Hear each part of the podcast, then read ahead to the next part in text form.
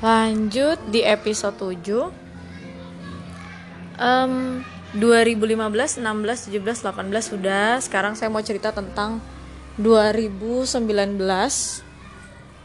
Dan di tahun ini uh, Masih dari lanjutan kejadian si suami saya ini sempat agak kritis di akhir tahun 2018 uh, dari situ langsung di kemoterapi lagi kita mulai lagi dari awal kemoterapi lagi. Kemudian 12 kali. Jadi beberapa minggu sebelum lebaran lebaran tuh tanggal berapa ya? 3 Juni apa 4 Juni ya? Lupa. Seminggu sebelum lebaran dan seminggu kita ya seminggu sebelum lebaran suami saya itu kemoterapi terakhir 12 kali. Kemudian uh, dari kemoterapi yang sudah dijalani sejak akhir 2018 sampai tahun ini pertengahan tahun ini itu alhamdulillahnya suami saya itu tidak ada reaksi seperti kemo waktu tahun 2016 jadi kemoterapi yang sekarang itu efeknya dia tidak ada tanda-tanda rambutnya rontok badannya gelap kemudian kukunya menguning enggak sama sekali. Jadi benar-benar normal seger tapi sepertinya berat badannya agak turun gitu. Kemudian karena tanggal 1 Juni itu kita ke Sulawesi untuk mudik ke kita baliknya itu tanggal 12 Juni 12 Juni udah kembali. Uh, awal Juli suami saya itu kontrol. Begitu kontrol dipastikan sama dokternya bahwa hmm, suami saya harus bisa eh bukan. Oke lanjut di episode 7 masih sambungan dari rangkaian tindakan dari akhir 2018 saat suami saya sedang kritisnya itu yang cairan limfanya udah nyebar di bagian dalam tubuhnya di setiap uh, pipa-pipa limfanya itulah katanya jadi seminggu sebelum lebaran itu suami saya sudah selesai kemoterapi. Jadi kemoterapi yang dia jalankan itu di tahun ini adalah 12 kali. Sama seperti 2016. Hanya saja efek dari kemoterapi yang tahun ini itu tidak begitu terlihat. Jadi efeknya umum ya, pulang dari kemoterapi mual, muntah, terus nggak nafsu makan, maunya minta sop buah aja gitu. Dan saat itu juga pas tahun ini kemoterapinya tidak menandakan ada uh, efek-efek kemoterapi seperti rambut rontok, terus kulitnya gelap, kukunya menguning, itu nggak ada sama sekali. Jadi normal, seger, dan bisa beraktivitas ke mana-mana. Sampai pada akhirnya pulang kita dari mudik, kita mudik tanggal 1 Juni.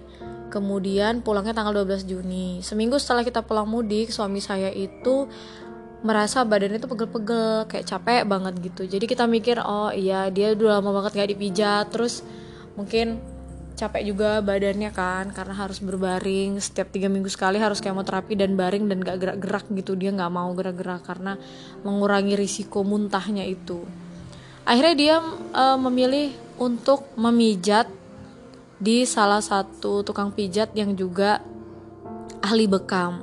Nah, saat dia dipijit, kemudian dia dibekam, itu bekamnya bekam kering terakhir. Aku nggak ngerti bekam kering tuh kayak gimana. Jadi waktu itu saya nggak nemenin suami saya sendiri.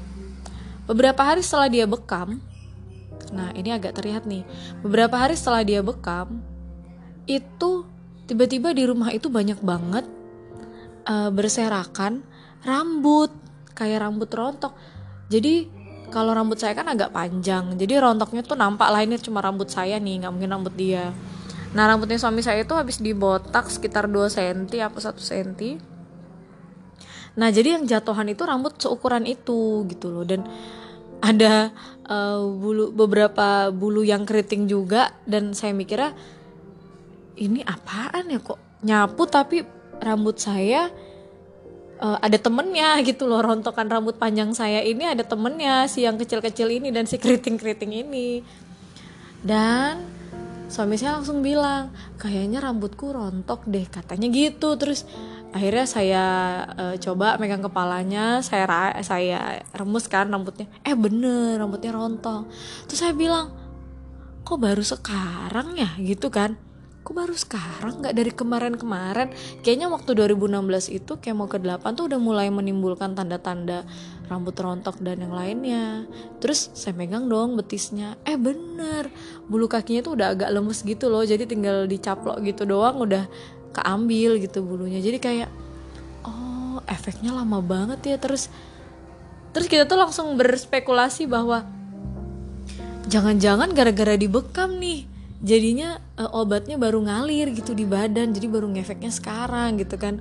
Terus kita tuh langsung kayak yang berspekulasi yang enggak enggak kayak kita dokter gitu kan.